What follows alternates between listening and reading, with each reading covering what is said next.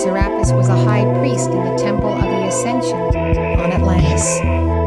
Bolsjevikfrimurarna behövde människooffer. I Sverige finns idag bara ett fåtal som håller på med elektronisk kommunikation med andra sidan. Det är ingen åsikt, det är en åkomma.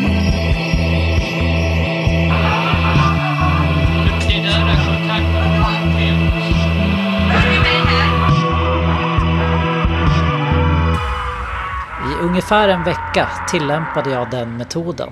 Under den andra veckan blev meditationens kraft så stor i mig att jag knappt hann med att skriva ner bokstavskombinationerna som automatiskt rann ut ur min fjäderpenna. Ja, om så tio personer hade varit närvarande hade de inte kunnat skriva ned alla de kombinationer som kom till mig under inflödet. Under den natt då denna makt kom över mig gjorde jag mig redo att permutera och kombinera Guds stora namn, som består av 72 namn. Men när jag gjort det här en stund blev bokstäverna i mina ögon stora som berg. Jag började själva kraftigt och kunde inte fatta mig. Mitt hår stod på ända och det var eh, som om jag inte var i denna världen. Jag föll ihop på en gång och all kraft rann ur mig och se, något besläktat med språket kom fram ur mitt hjärta, kom över mina läppar och tvingade dem att röra sig. Jag tänkte, kanske är det, Gud bevare mig, vansinnets anda som farit in i mig. Men se, det var ren vishet.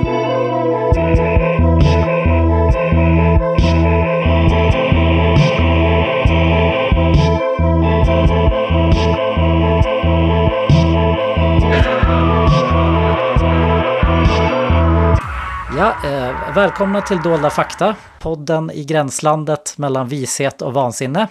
Jag heter Birgitta Onsell och med mig så har jag... Jag heter Daddy Stålsjö. Tack för din fina berättelse om vad du gjort i veckan. Det var jättespännande. det där du hörde där, det var Abraham Abulafias okända lärjunge som eh, nådde något slags andligt tillstånd genom Kabbala Mhm. år 1295. Oj, Genom att då, ja, vad gjorde han? Han, han kombinerade hebreiska bokstäver och Guds namn och sådär. Så då blir det sådär. okej. Vad de kunde på den tiden. Ja, det är eh, förlorad, eh, förlorad kunskap tror jag. Så i det här avsnittet tänkte jag att vi ska försöka reda ut eh, kabbalan lite. Vi har kommit in på det flera gånger under våra avsnitt. Nästan alla kanske, på något sätt. Eh, ja, just det. När vi pratade om Moseböckerna. Gjorde vi, kom vi in på det då också kanske? Ja, då var det väldigt tydligt. Också eh, Rudbeck och Burius. Ja, just det. Oj, oj. Ja, det, ja det, men uh, Juvelius som eh, läste dolda budskap i uh, Bibeln. Ja, just Också det. väldigt mycket kabbala. Madame Blavatsky höll ju på att namedroppa kabbala lite då och då. Fuskade Sen lite grann, Frågan. kanske? Fuskade lite grann. Ehm, ja, och sen Otroligt. alltid när man kommer in på magi och sånt så brukar det ofta visa sig att det, att det har någon form av eh, bakgrund i kabbala. Så det är ju spännande ämne och man fattar ju ingenting. Alltså jag vet inte om jag förstår något nu heller riktigt men kan ju försöka i alla fall. Så Ja. en, Nej, det, det blir spännande. Det är du som har riskerat ditt förstånd nu och satt dig in i mysterierna. Alltså hela avsnittet ska ju leda fram till eh, Madonnas fuskande med kabbala på i slutet av 90-talet. Men Mm. För att begripa det blev det en ganska lång resa där jag förs försökte förstå hela kabbalans historia. Så vi får se när vi kommer fram till Madonna. Ja, jag hoppas verkligen eh, att jag hoppas verkligen du kommer fram dit för eftersom det, det är all, allting jag kan om Kabbala har jag lärt mig därifrån. När det stod om Madonna i Aftonbladet, den här pulsbilagan på fredagar. Ja, det är synd om man, om man ska tro många. Eh, Gershom Scholem till exempel skulle nog inte gillat det som Madonna höll på med. Det är en eh, lärd judisk eh, forskare som jag läst för att begripa det här. Mm. Kanske du känner till. Nej, men var han en torrboll? Eller han gillar inte Madonna. Eh, nej, han dog eh, 1982 så jag vet inte om Madonna han uh, bli berömd. Mm, nej, oj. Jag tror nästan inte, han kanske inte han höra Kanske någon tidig låt. Ja, han, sk han skrev i alla fall boken Den judiska mystiken eh, som kom 67. Som är stundtals otroligt svår men också givande när man eh, kommer in i den. Och han är ju förstås otroligt spränglärd. Och eh, han var också Såklart. professor i judisk mystik vid Jerusalems universitet. Oj, har de en sån professorsstol? De hade väl det då. Han kanske tyckte att det fanns en anledning att börja samla det här. Den mystiska sidan av judendomen också. Mm. Eh, Han var också kompis med Walter Benjamin Jaha, oj. och ovän med Hanna Arendt. Ja, oj. Tyckte hon brast i sin lojalitet till det judiska folket. Mhm. Han var, också, han var också i bråk med Erik From, vilket är roligt. Men jag har forskat lite det här och det verkar som att eh, han möjligtvis var avundsjuk på honom eller hade marginellt olika åsikter om messianska tendenser hos vissa judiska mystiker. Så jag vet inte hur allvarligt Ja, det där var. Men, men han, han rörde sig i lär, lärda kretsar, det är tydligt. Erik From älskar jag ju förstås, men eh, jag kanske också älskar Gershom Scholem. Att han är så otroligt lärd framför allt. Men eh, det blir också problem med det när man ska ge sig in i ett sånt här ämne och försöka begripa. Ja, Eh, det kan man, jag. kan, man, kan i alla, man, kan, man kan i alla fall nu när jag går igenom det här tänka på att Gershom Scholem, han som är så otroligt lärd, ofta skriver att det är helt obegripligt det han, det han, liksom, det han studerar. Oj, oj. Det är verkligen i som här inträden, överge allt hopp. Eller vad det, det står på den skylten ovanför helvetet. Helvetet, exakt. Så välkommen till helvetet. Ja, vilken bra tagline. Ja, men eh, kabbala betyder i alla fall eh, ungefär mottagande och är ett religiöst och filosofiskt system inom den judiska mystiken då, genom vilken en människa till exempel kan komma i kontakt med Gud och begripa skapelsen, till exempel då genom meditation eller bön. Eh, Och kabbalan beskriver också den gudomliga ordningen, evighetens natur och skapelsen och är eh, då förstås traditionellt eh, djupt rotad i judisk tro och studerandet av Toran som är de fem Moseböckerna, inte den sjätte. Nej, viktigt. nej, Viktig poäng. och ja just det, och Talmud då som är alltså de judiska skriftsamlingarna. Men det är andra skrifter. Ja, jag vet faktiskt inte riktigt vad som ingår i Talmud. Antisemiter brukar haka upp sig på Talmud, saker som de påstår står i Talmud. Det står typ massa, massa hemskheter. Ja just det, de tänker att ingen ska orka, orka kolla kanske. Nej, nej precis. Om vi återgår till eh, Scholem då så är han nog fortfarande den som i modern tid gjort mest för att lyfta fram gammal judisk mystik. Och för att göra det här så läste han förstås ett enormt källmaterial. Gamla handskrifter på utdöda språk och gamla språk som ingen kan.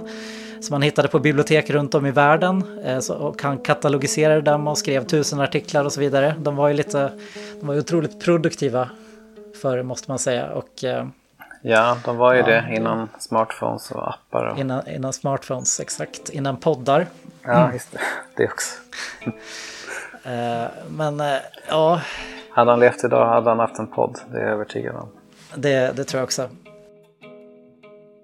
När han pratar om mystik i alla fall, det här kan ju vissa bli eh, lite förvirrade av. Men mystik för honom är en varseblivning av Gud. En direkt och nästan gripbar förnimmelse av gudomlig närvaro, vad nu det är. Eh, och han, Gud beskrivs ofta i de här sammanhangen som det ofattliga och oändliga. Så jag vet inte, har du haft någon sån mystisk, världsomvälvande, gudomlig förnimmelse? Eh, nej, det kan jag inte. Nej, Tyvärr inte. Har du haft något sånt? alltså jag tror, jag tror att jag kan ha haft det. Jag gjorde en eh, meditation på YouTube. du vet, när man ska träffa sin spirit animal. Ja, Och eh, dels var min spirit animal animerad, alltså som så här, 90-tals animation.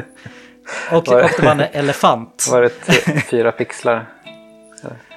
Ja, det var lite pixlig, men fra, framförallt så kände jag så här enorm kärlekssensation typ. Så jag började gråta av eh, den här meditationen som var en fruktansvärt så här löjlig YouTube eh, otrolig grafik som du säkert kan föreställa dig hur den var. En ganska löjlig röst som sa åt den att gå olika stigar och andas på olika vis. Ja. Men jag, jag vet inte om det var en uh, mystisk upplevelse. Men Det låter jättespännande. Kanske. Det låter jättespännande. Att du, att, att du fick se, att det var just så du fick se den, den att om, om de filmatiserar ditt liv så hoppas jag att, du, att det blir återgivet. Att de datoranimerar det. Ja. Ja just det, det, det står ju en rolig anekdot alldeles i början av den här boken som Chalem skrivit. Eh, det är en, jag för mig, det, just det, det är inledningen i förordet som någon annan har skrivit. Då, stå, då står det att han hade problem att få barn med sin fru. Som sen lämnade honom för en annan och eh, direkt fick eh, hur många barn som helst. Åh nej. och då sa en lustig kurre att det som Kabbala inte kunde uträtta på många år gjorde denna man i ett huj. Om ni fattar vad jag menar. ja, så det var ju trist för Cholem då. Men det kanske var bra då att han fick mer tid för att ägna sig åt eh, forska. Ja, det, det kan verkligen vara en tidsslukare att skaffa barn faktiskt. Jag har också läst eh, Harry Friedmans bok Kabbala, Secrecy, Scandal and the Soul. För en lite mer lättläst genomgång som också går fram till Madonna och eh, vad kabbalan är idag. Ja, Den här boken tar också upp den kristna kabbalan, eller hermetiska kan man ju kalla den också, som stavas med C istället för K. Kabbala med C. Ja, precis. Det är en Oj. avstickare som vi kan prata mer om. Ja, den har jag, ja, det har jag inte hört talas om alls. Nej, så den finns också. Vad de hittar på. Ja, han, eh, Friedman kommer in lite på new age och allt möjligt också som influerats av. Hippierna, hippisar var ju lite, höll på med det också förstås. Så, ja, Mm. du, du kan bara tänka dig. Jo, jag har inga, inga problem att föreställa mig tyvärr. Sen också, just det, Arkivex eh, hade ju ett avsnitt som heter Kaddish i fjärde säsongen som handlar om en golem som skapas i eh, Hasid-communityt i Brooklyn. Den var väldigt stark tyckte jag när jag var liten. Oj, den minns jag tyvärr inte alls. Jag kanske, jag kanske inte såg den när jag var liten. Nej, det var, Mm. det, var, det var väldigt bra. Den har ju så fina referenser. Den, den mördade heter Isak Luria som är en av de kända gamla kabbalisterna. Uh, och för att skapa golemen så använder de eh, Sefer Yetzira som är en, här, en av de viktigaste böckerna inom kabbala. Och eh, ja, den är bra research där i Arkivex. Är Golem kopplad till Kabbala en, egentligen eller är Golem bara typ judisk folktro? Eller finns det en koppling till just Kabbala? Ja, jo det gör det. Det kommer vi gå in på. Jag tror faktiskt eh, det, jag kommer prata om det faktiskt när vi kommer till golem. Till Golem? Okej, ja. Ja. Spännande. Nämnde jag Johannes Burius för att eh, det, det är ju alltså den här uh, runmystikern från Uppsala som höll på Han, på eh, 1600-talet. Han med den gotiska Kabbalan, eller vad var det? Ja, exakt. Han som lärde Rudbeck allt han kunde också. Oj, oj. Burius inleder tydligen Adulruna Rediviva, hans bok, med att förklara att Adulrunan är vad judarna kallar kabbala. Så, Mhm. så det här leder ju också fram till nazisterna, så där, där har ju de lite... Det är lite ironiskt då att, att det kanske... ja, men man tänker på Herman Wirth och de där. Ja, jo. Jodling och vad de höll, höll på med. så det ligger ganska nära judisk kultur kanske. Ja, jo, är det verkligen en ödets ironi. Hopp, hoppas de kan uppskatta den. De, alla alla Men- offer. Men det, det finns ju också en, såklart en riktning då som Burius var. eh, Han, han eh, trodde att eh, kabbala också härstammade från någon slags urreligion som vanligt. Som sen tagits upp av den judiska kulturen. Så den, Mm, Okej. det är allt, alltid den här eh, jättegamla som influerat allt. Som då också skulle ha influerat nyplatonism och pythagoriernas matematik och sådär. Men eh, Ja, okej.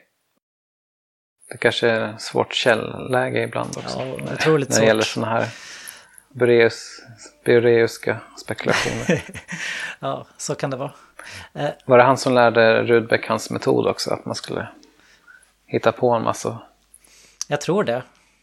Jag funderar också om, om kabbala är liksom någon form av urmetod för det här.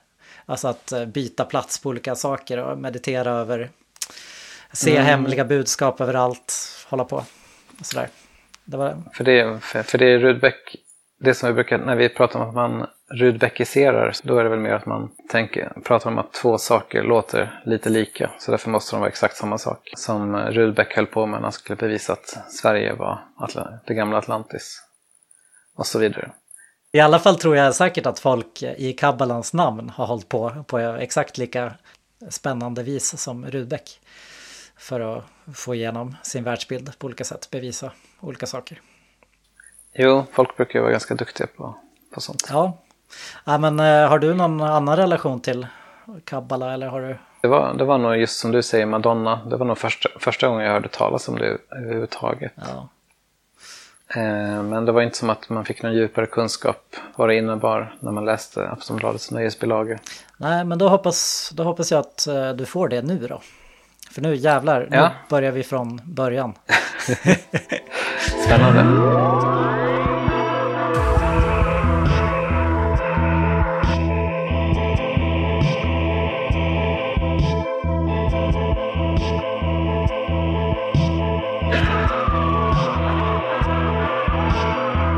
Om vi då börjar med den tidiga judiska mystiken eh, så kallas den Merkaba-mystiken. Och nu pratar vi ungefär 100 år före Kristus till 1000 efter Kristus. Okej, okay, så, så sent? För det låter inte speciellt tidigt. Nej, det är väl eh, så långt man kommit i, jag vet inte om det är svårt med källorna. Det, har ju, det judiska folket har ju haft lite problem med eh, att bevara sina skrifter och sådär på grund av att det ofta mm. blir förföljelser om man bränner alla deras eh, skrifter. Så ja, det är väl svårt att säga kanske. Ja, okej, okay, jag förstår. Nej, jag, jag trodde att det skulle vara någon så här 2000 år före Kristus eller något, men... Nej, det, Nej. står... Det, det här är ju Cholem då, tror jag, som har... Så man får lita på honom då. Det kanske kommer nya rön, vem vet? Men, men det här handlade i alla fall om att lärda judar genom rabblande av böner hamnade i extas och som då fick visioner av Gud. Men det var liksom inte bara den här som jag då som fick en, någon form av kärleksupplevelse. Alltså någon form av varm eh, sensation som kom över mig när jag träffade mitt spirit animal. Det var det inte då. Mm. Ut, utan det, de såg var Gud sittande på sin tron som en enorm himmelsk konung. Alltså en fysisk konung men fruktansvärt stor. Mm -hmm. mm. I det här så utgick de ofta från Hesekiels visioner så där kommer han upp igen. Den har vi väl kommit in på i flera sammanhang. Ja, det, blir, det är samma saker hela tiden. Liksom. Men ja, sen, inte, sen är det också Isaia eh, och det är ungefär 600 f.Kr. Det är den första i Bibeln som beskriver visioner av Gud. Och då är det också den här guden mm. på en tron med en flödande mantel och änglar runt sig. Eh, men sen tog då Hesekiel över stafettpinnen och såg allt möjligt och eh, inspirerade mystiker att göra liknande resor. Mm. Det var väl han som möjligtvis såg ufon till exempel. Eller andra världskriget ja. eller första världskriget eller ja, vad det nu var. Ja, ja. Vilken kille. Mm.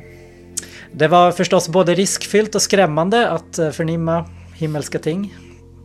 Man var tvungen att förbereda sig väldigt noga genom att exempelvis fasta 40 dagar, ta rituella bad varje dag samt inte eh, se åt någon kvinna. Så man fick jobba mm med mhm. sina begär också där. Mm. Sen började man då sin eh, uppstigning genom att recitera komplicerade böner. Och sen på vägen upp så möter man då vid olika portar skrämmande arkonter och änglar. Seraferna med sina sex vingar till exempel och massor av ögon. Alltså du har väl sett de här eh, när änglar och serafer och arkonter ska beskriva, alltså målas av som de verkligen ser ut i Bibeln. De ser inte mysiga ut liksom. Det ser ut som en fruktansvärd insekt mer än, äh, än äh, mm, kanske ja. traditionella änglar. Just det. Jag har sett, sett någon rolig mem om det där. Ja, precis. Men det är de man träffar då när man de här judiska mystikerna började. Okej, okay, ja, det var verkligen inga, inga bokmärkesänglar där. Nej, och, och också då när man träffar de här änglarna då ska man eh, rabbla massa ord och det ska vara exakt rätt och det ska vara olika antal gånger. Annars blir man då slängd tillbaka och det kan förstås mm. resultera i både fysiska handikapp, galenskap och död. Oj. men om man gör på rätt sätt, jag vet inte hur man lär sig hur man gör på rätt sätt då om, om, om, liksom, om man inte aldrig får misslyckas. Men om man, om man gör på rätt sätt då kommer man efter mycket möda stå framför en enorm gud med otroliga mått. Och då får man också lära sig skapelsens hemligheter och känna den här gudens styrka och storhet samt bäva inför den då. Så det är lite så här skräckenjagande det här. Okej, så det är man klar sen? Ja, det är frågan vad som händer sen då när man eh, Mm. eh, när man har den här visdomen. Man, man kan också skåda eh, förhänget där skapelsen är tecknad. Det tyckte jag var spännande för den, eh, den beskrivs nästan som en blå, alltså den är blå det här förhänget och där står liksom hela skapelsen nästan som i kod då. Börjar tänka på Jaha. simuleringar och du vet. Den, stor, den stora kodaren. Oj, är det sån matrix, te- matrix-tecken som rinner ner gröna bokstäver? Wow. Mm. Har man tur får man också möta Metatron som är alltså Guds närmaste ängel och också den bibliska Enok som ska blivit upptagen av Gud och blivit medlare mellan människa och Gud. Eh, gnostiker har kopplat ihop honom med Demiurgen också som då de tror infört ondskan i världen. Eh, Enoks böcker är ju exkluderade från både judisk och kristen kanon. Jag vet inte om vi har nämnt dem men det står mycket om de här Nephilim och så. Jaha. Och det finns många otroliga YouTube-videos som man vill lära sig mer om eh, Enoks böcker. Mycket jät jättar och sånt. Ja, är det, är, det ditt, är det ditt tips att söka på YouTube? Sök på YouTube. ja. Det låter jättebra. Hela den här andliga resan kan förstås också enbart eh, vara symboliskt och metaforiskt. Men eh, vill gärna tro att de här tidiga judiska mystikerna verkligen såg en enorm gud som satt och var arg. Mm, verkligen. Men eh, har, de, har de beskrivit någonting om hur Gud ser ut? Eller finns Vi, det vi kommer till det. Han är ju svår att beskriva tror jag. Eh, Jag kan eh, ta lite exempel om hur det är när man vandrar där mot himmelen. Eh, Ja, vä- väldigt gärna. Det finns en varnande judisk text som är mycket tidig som uppmanar en att inte skrika vatten, vatten när du kommer till marmorpalatset. Jag antar att marmorpalatset är någon av de här alla etapperna. Okej. Mm. Jaha, det här är vid porten till eh, det sjätte himlens eh, palats. Det finns sju då himlar som man vandrar genom. Just det, sjunde himlen. Sjunde himlen, ja. Och här översköljs man av känslan av tusen miljoner vågor av vatten som slår in igen och sveper i vägen. Aha, åh nej. Då får man inte ropa, då får man inte ropa vatten, vatten. Nej, det får man absolut inte göra. Eh, För det här är bara en illusion skapad av palatsets skinande marmorplattor som är så kristallskarpa och skinande så det ser ut som flytande vatten. Eh, Så det finns, Och man vill verkligen ropa. man vill verkligen ropa vatten, ja men det, Men, då, blir, då blir det Ja, vansinne och död och fysiska handikapp. åh nej. Ja, man får stålsätta sig såklart. Ja. I den här eh, historien då så kommer fyra män dit. En dör direkt. En blir galen. En förlorar sin tro. Men en gick in i fred och kom ut i fred, står det. Jag, Den fjärde var Bellman. Precis. Ehm, Ja, och eh, samlingen av eh, alla de här texterna där mystiker reser till himmelska palats heter Hekalot. Och eh, den hör inte till Kabbalan, den är liksom innan Kabbalan, men Kabbalan är helt klart påverkad av den. Även om Kabbalans gudsbegrepp skiljer sig. Uppenbarelseboken i Nya Testamentet kan sägas höra till den här traditionen också. Det är inte bara himmelska palats utan det är också visioner av helvetet och undergången och sådär. Okej. Mm. Men du, du frågade efter Guds utseende.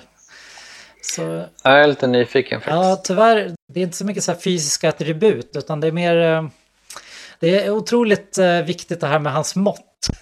Eh, Jaha, okej. Guds mått, de mäts i faranger. En rättelse.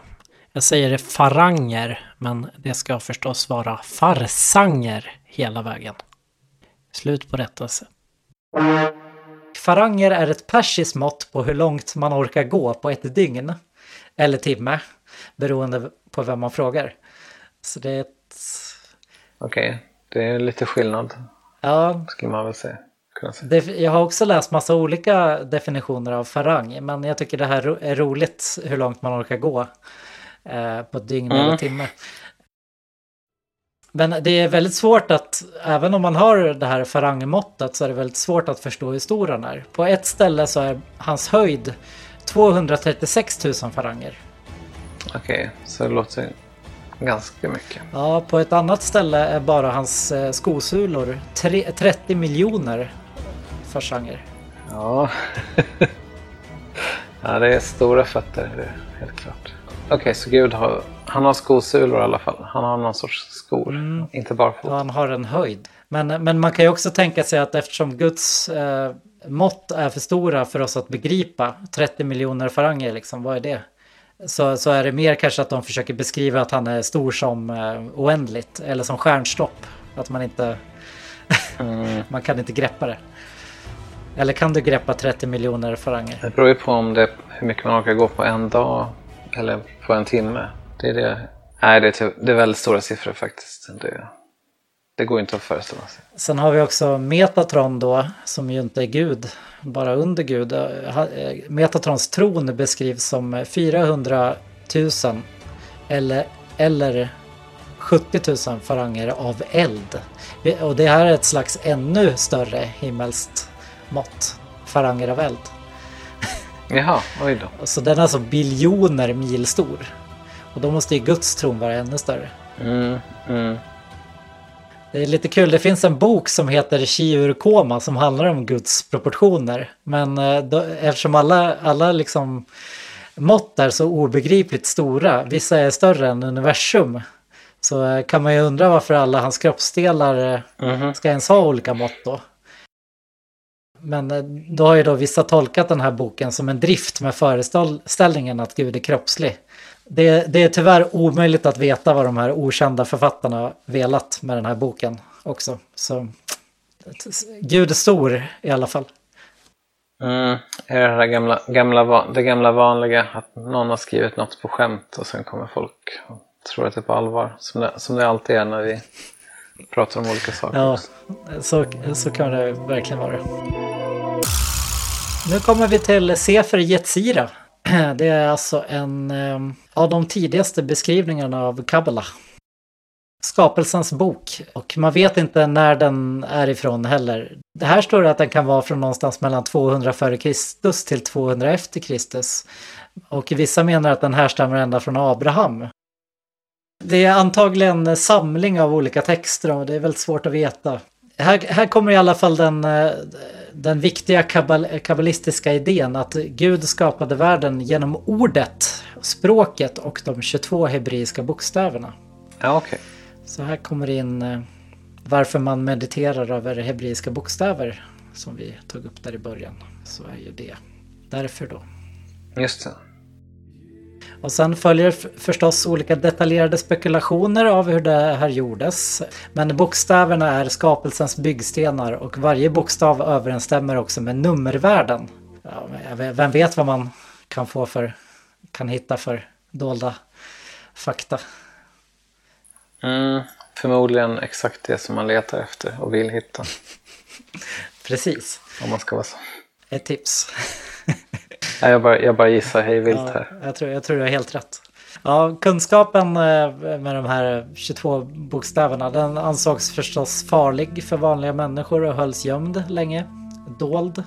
Även om eh, mycket i den här boken skiljer sig från senare kabbala så eh, kan man i den här boken förstå makrokosmos och mikrokosmos eh, och eh, dess uppkomst genom kombinerande och permuterande som betyder omordning ungefär av he- hebreiska alfabetet och dess olika siffervärden. Men vilka, vilka, vilka bokstäver man utgår ifrån? Är det från, är det från de heliga skrifterna eller är det liksom...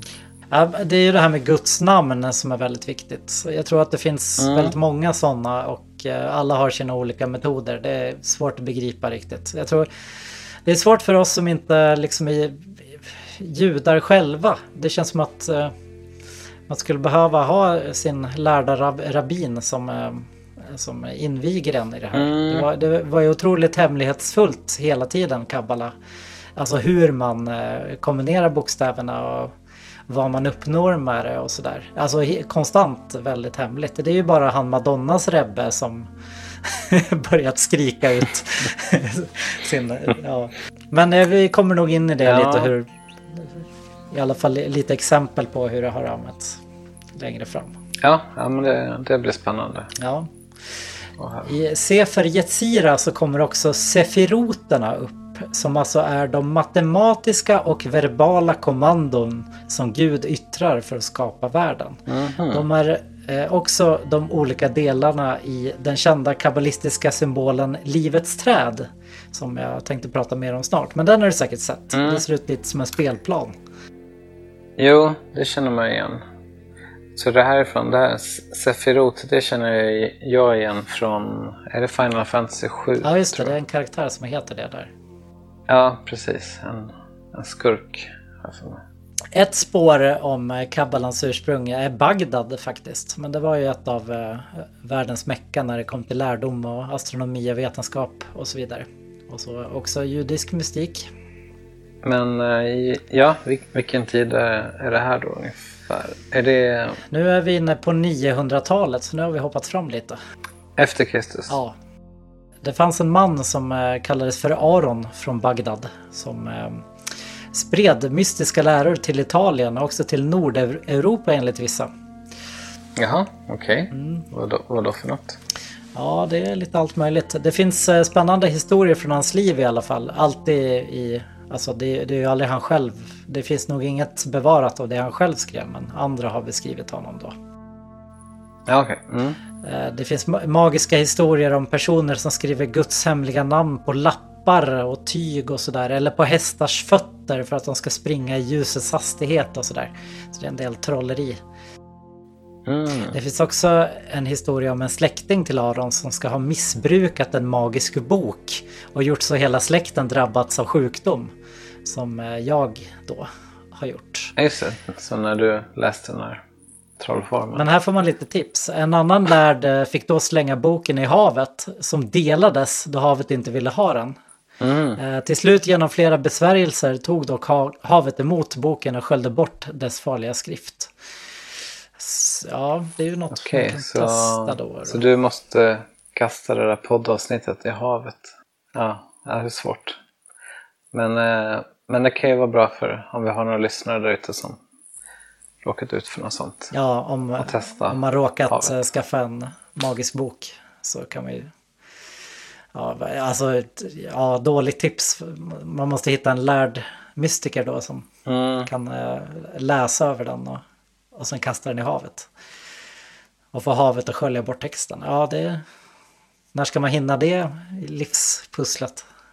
Undrar jag. Ja, men eh, det kan väl vara värt lite jobb tänker jag. Om man blir av, blir av med en fruktansvärd förbannelse. Det är sant. Sen ska då Aron enligt vissa spridit läran till eh, Kalonymos-familjen som placerats i Worms i Tyskland på 900-talet av Karl den store. Vet inte varför. Jaha, Eh, och därmed kan varit bland de första judarna i norra Europa. okej. Och, eh, till den här familjen hörde då El Elassar från Worms och Juda Chassidan. Och den här El Eleazar, genom hans skrifter vi känner till Aron från, från Bagdad då. Och han levde i slutet av eh, 1100-talet så det är ganska långt senare. Och han och hans eh, kompis Juda Nej, det är hans lärare förresten. Juda Chassidan. De gav upphov till pietiströrelsen. Och det kom sig av att hela hans familj blev massakrerade av korsriddare. Och för att stå ut med det här blev en metod att tänka att fruktansvärda tragedier och övergrepp var Guds prövning för att skilja ut de riktigt fromma från de fördömda. Så det är också ett livs, eh, lite livscoaching där. Hur man kan tänka när man blir utsatt för fruktansvärda tragedier och övergrepp. Verkligen. Det var skönt att få veta att, att det fanns en poäng med, med Ja. Kabbalavetaren Joseph Dan han beskriver den här rörelsen som den med mest djupast pessimistisk världssyn i judisk teologi. Så det, Okej. det antar jag att det att han är väldigt pessimistisk då. Ja, det kan väl lätt bli så men hela ens familj massakreras kanske. Ja, det- men det är skönt då att, att det finns någon form av gudsflöde genom världen som kan uppnås genom eh, ett renlärigt levande. Och Eliassar var så ödmjuk så han skrev inte ens ut sitt namn på sina skrifter utan han skrev siffran 308. Vilket är då hans namns numeriska värde. Och han är också känd, eh, eller han är eh, även den första som nämner att man kan skapa en golem faktiskt. Så här kommer det. Det är Ja. Eliassar Mm. av Worms. Han skriver tyvärr att han aldrig lyckats själv. Nej, nej, okej. Eh, Scholem, eh, Scholem går in lite mer i det här och skriver att eh, Golem-myten kan sägas komma från eh, eh, de här eh, 1100-tals eh, och, och att man använder sig av den här Sefer Yetzira när man gör det. Men frågan är hur man gör då. Man- Vilken del man ska lära, det måste man eh, nog vara otroligt lärd själv för att förstå. Men eh, det står ett, eh, jag har hittat ett recept i alla fall på en golem. Och nu kommer du att läsa det i podden. Ja, Bringa fruktansvärda olycka. Ja, precis. Alla, alla som lyssnar skapar sin egen golem. Men det, det är jättesvårt. Jag blir väldigt imponerad om eh, jag läser på nyheterna att en golem har härjat i centrala Stockholm. exempel. Ja, jo, det är imponerande i så fall. Ja, men så här gör man. Mm. Ta jungfrujord från ett ställe i bergen som aldrig blivit plogat. Jag antar att jungfrujord är där man inte bearbetat marken då. Okej, ja, det borde ju vara, inte vara så svårt. Nej, kombinera med levande vatten, alltså typ från en bäck. Det är inte heller så svårt. Nej, Då har vi alltså lera. Så, Just så knådar det man den då till människoform. mm. Nu kommer det krångliga. Permutera 221 kombinationer av hebreiska alfabetet på vis som är oerhört komplicerade och svåra att begripa och inte tydligt beskrivs i några skrifter. Jaha, jag tyckte väl att det lät lite väl enkelt typ, i början. Ja. De första stegen. Nej, det, det var otroligt klurigt tydligen. Eh, Så man måste väl hitta rätt eh, judiskt, uråldriga judiska dokument för att riktigt få fason på det här antar jag. Okej, ja, men då gör vi, vi säger att vi gör det då. Ja, och sen när man har gjort det här, de här oerhört komplicerade kombinationerna då, då ska man kombinera dem med de fyra bokstäverna i Guds namn på rätt sätt. För annars, annars dör man väl eller blir galen eller ja. Jo, jag tycker jag börjar se ett mönster Mm. i det här. Ja, efter den här Eliassar så ska i alla fall några studenter i Kabbala på 1300-talet misslyckats med att väcka en golem till liv och istället själva nästan begravts i lera. Mhm. Så kan det gå. Ja, det är väl någon ödets ironi antar jag, låter det som. Ja. Sen har vi den här kända golemen. Det är alltså Juda Loev i Prag som enligt legenden skapade en golem för att skydda den judiska församlingen. Den känner du till kanske? Eh, just det, jo men det, det känner ja men det låter bekant.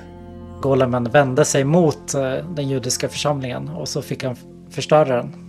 Är det det här att han suddar ut bokstäverna som står i pannan på Golem? Exakt, det stod eh, så emet tror jag. Först och sen suddar man ut i ett och så blir det död och så dör golemen.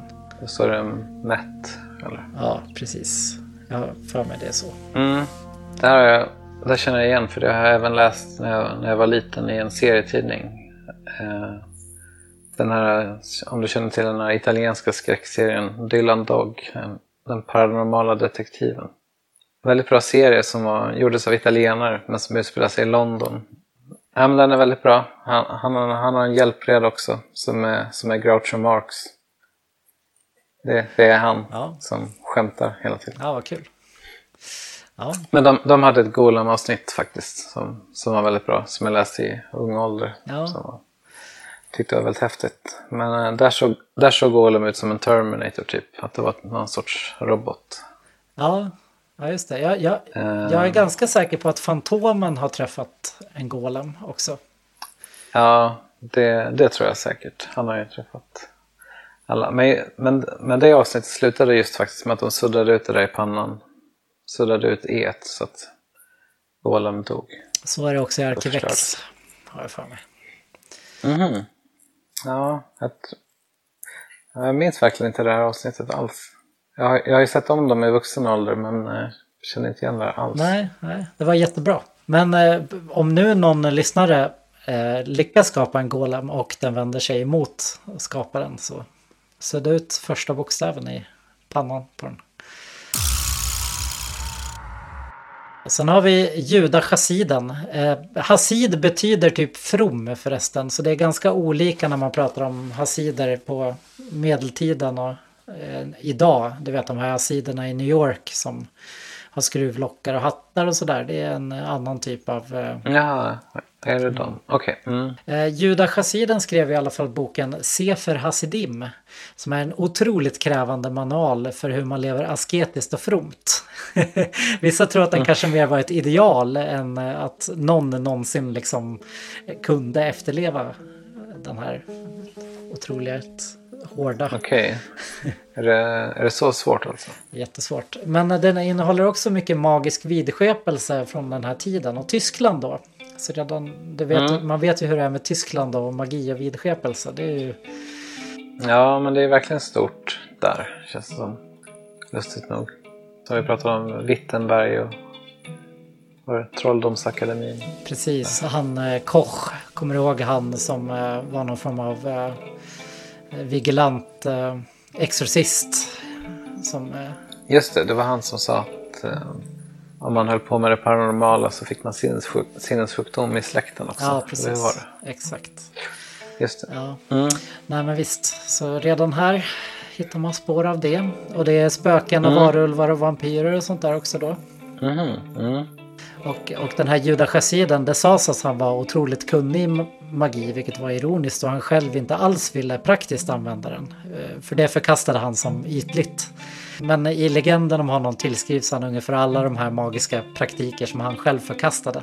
Jaha, typiskt. Verkligen. Men, men som sagt, den här rörelsen handlade ju otroligt mycket om botgörelse mest. Det finns roliga historier om en eh, chassid som brukade stoppa sina fötter i vatten tills det frös. Tills det frös fast på vintern för att sona sina synder då. Det är ju... Måste ju tagit lång tid, eller? Ja, jo. jo. En annan chassid ska ha av misstag råkat sudda ut Guds namn från en bönerulle. Och som bot Åh, för det här så la han sig i ett års tid utanför synagogan och lät besökarna trampa på honom. Det är väl inte mer än rätt i och för sig. Eh, De, antalet pietister var antagligen jättefå. Men eh, de dog eh, antagligen bort med korsriddarnas massakrer, tyvärr. Men det var ändå en viktig start för Kabbala. För att, för att ifrån Tyskland så vandrar den sen till Frankrike och Provence. Och då kommer en till bok. Hoppas du antecknar alla, alla de här böckerna. Det är jättemånga. Självklart. Bahir. Det är en bok skriven på 11 eller 1200-talet. Eh, men som kanske också samlat tidigare traditioner från typ tusen år och bakåt. Vem vet. Mm. Möjligtvis skriven eller sammanställd av Isak den blinde. Som också är kallad den första kabbalisten. Det är en ganska tunn bok som innehåller många gnostiska inslag men också idéer om reinkarnation. Jaha. Det här anses vara den första riktigt kabbalistiska texten. Okej. Och den uppstod antagligen i Provence då, mitt under konflikten mellan katoliker och katarer. Eh, katarer gav för övrigt upphov till uttrycket kättare. Och det här, Mm, den, här, den här konflikten slutade ju i massakrer på katarerna. Och eh, de hade ju då en mer katolikkritisk dualistisk lära och den försvann väl då antar jag. Men den lever, lever kvar i Kabbala lite. I Bahir. Ja, den innehåller i alla fall bekanta teman eh, som att det bakom den fysiska världen finns en annan högre och att Bibeln döljer dolda budskap. i alla fall. Mm. Den del av katarernas lära som kanske mest inspirerat eh, Bahir är idén om att Gud behöver goda gärningar från människor för att kunna få sin vilja igenom. Och eh, katarerna liknade det här vid en himmelsk pelare av rättrådighet som går upp till himlen och en kontakt mellan Gud och människan. Eh, Då handlar människan gott blir den stark och när man gör onda handlingar så blir den svag då. då blir det... Undrar hur, Mm. hur den är idag, den himmelska pelaren av rättrådighet. Ja, jaha. ja, hur mår, hur mår Hur den mår det? idag? Ja, nu kommer vi in på livets träd och sefiroterna. Det är ganska komplicerat tycker jag. Ja, men försök beskriv med ord. Ja. Eh, ja, man eh, menar väl då att eh, Sefiroterna och livets träd då kan vägleda ens goda handlingar kanske i ens liv. Eh, Man menar att när prästen Aron i Bibeln välsignar Israels folk så håller han upp tio fingrar som symboliserar Sefiroterna, vilka är kanaler från himlen till jorden som välsignar folket. Då. Okej. Mm, i, beskri- I Bahir så beskrivs livets träds eh, komplicerade struktur och sifferkombinationer. Så det är bara att läsa Bahir då om man, vill, om man inte begriper av min genomgång. Mm. De tio sefiroterna kan översättas som grundtal, Guds attribut eller kosmiska principer. De är utflöden från vilka Gud visar sig i världen samt skapar både den fysiska och de andliga världarna. Mhm. Det är alltså en karta av Guds anatomi men också olika eh, faser av andlig upplysning i en människa till exempel. Eh, det är både makro och mikroperspektiv här. Och eh, ibland eh, visas dessa som delar av Guds kropp trots att Gud eh, oftast benämns som kroppslös. Om man ser en bild på det så kan det vara en eh, människa under liksom med armar och ben där de olika sefiroterna sitter. Okej. Men du, du har sett den här. Det är 10 cirklar som är sammanbundna av 22 linjer eller stigar. Mm, det, har, det har jag sett, absolut. Cirklarna representerar talen 1 till 10 och stigarna motsvarar det hebreiska alfabetets 22 bokstäver. Högst upp i den här spel, spelplanen där finns keter som är eh, urprincipen, kronan, tomheten och viljan att skapa. Sen går det två stigar ut från keter nedåt då. Ut på båda sidorna om eh, keter. Och där har vi Chokma som är visdomen och Bina som är förståelsen. Och de här tre representerar den gudomliga tanken som är nödvändig för processen att skapa. De här tre är ofattliga och i Kabbala uppmuntras det mer att eh, fokusera på de följande sju för de här är för, för svåra att begripa. Okej. Mm. Inget för nybörjare där. Så nu följer det eh, sju stycken till som är gudomliga egenskaper där de vänstra härrör till domen och de högra till nåden. Dom och nåd, det kastas man ju ständigt eh, mellan här i livet. Ja, stenhård relate på den. Mm, men men eh, i, eh, i eh, livets träd så balanseras de här ju förstås genom eh, sefiroterna i mitten som kommer sen. Mhm. Så ja, näst, nästa vi har då heter Chesed och det är nåden. Det är den sammanfogande kraften. Tyvärr har vi Gebura som är strängheten, den dömande och sönderdelande kraften bredvid då. Typiskt. Eh, sen kommer Ti- Ti- Tifaret. Och den är i mitten, så det är en balanserande sefirot. Ja, okej. Det är den som balanserar nåden och den dömande sidan. Efter den har vi Netza. Som är eh, seger. Nu är vi, om vi, om vi eh, snackar om kroppen så är vi nere på benet nu. Mm, okej. Kommer du ihåg att jag läste en jättetokig bok när jag bodde utomlands som handlade om en mannamaskin? En, eh, det var några tokar som hade läst i Bibeln att man kunde skapa det här mannat Mm. som eh, var det Moses som skapade mat ur ingenting. Just det, när de svälter i, i öknen kommer det. Precis, och i, i, Manna från himlen. ja, i, i den boken så är det kabbalistiska principer som eh, beskriver hur man gör mannamaskinen. Mm, jag kommer ihåg, det här pratade du mycket om ett tag. Men, men du verkar må bättre nu för tiden. Säg inte det, för jag tänkte nog göra ett avsnitt av den här boken också. På andra sidan om eh, Netzach-segern så finns Hod, strålglansen. Jag vet, det är höger och vänster ben i alla fall. Ja, en enkel, enkel minnesregel. Precis. Och sen kommer en till sån här balanserade eh, Sefirot då, som, eh, där båda går ihop. Som heter Yesod som är grundvalen för de alstrande krafterna.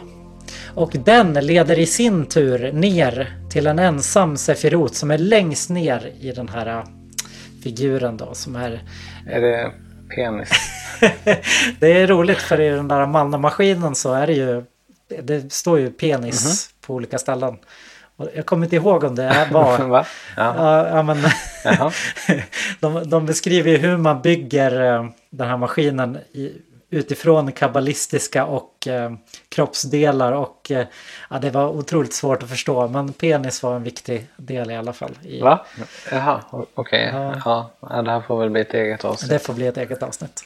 Den, eh, den här sista är ju intressant. Det är Malkuth eller, eller Shekina som är kungadömet eller Guds närvaro i världen. Så nu är vi nere där vi befinner oss nu då i den materiella världen. Alla de andra det är andligt högre som är svårt att nå. Ja, okej.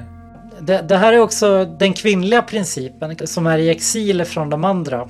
Och Kabbalans uppdrag är att få den återförenad med de andra och framförallt med Tiferet då. Mhm. Ja, och jag vet inte, vad, vad ska man säga om det här? Det är...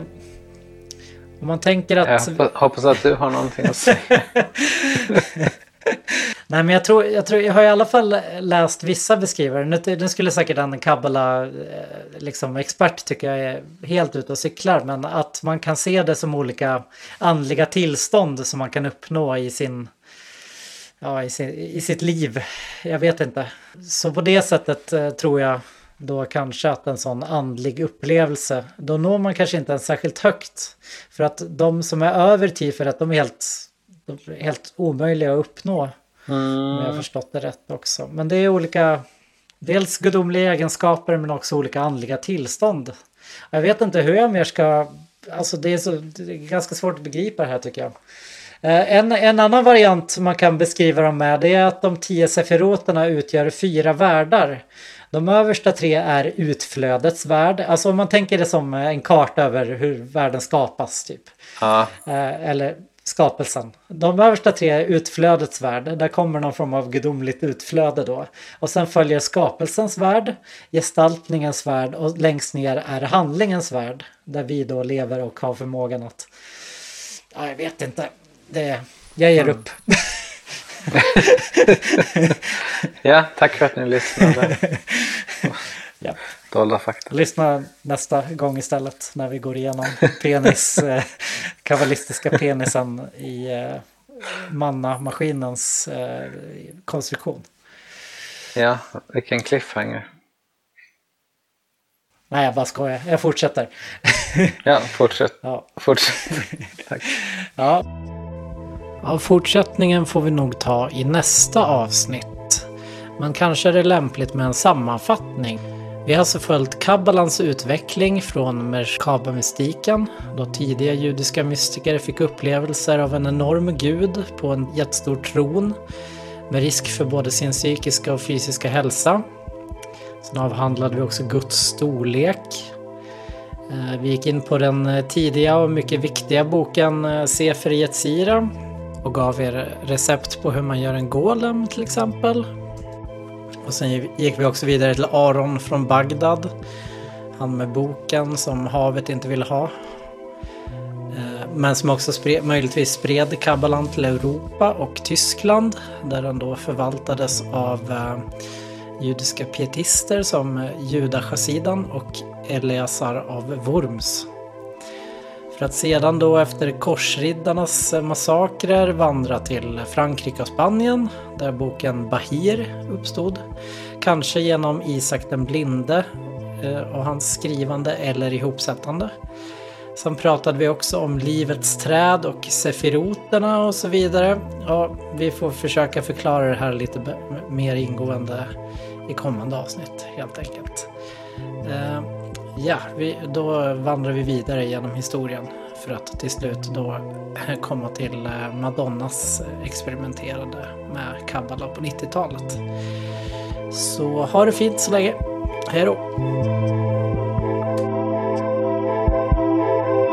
Serapis was a high priest in the temple of the ascension on Atlantis.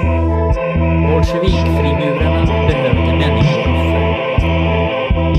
I Sveriges finns idag bara ett fåtal som håller på med elektronisk kommunikation med andra sidan.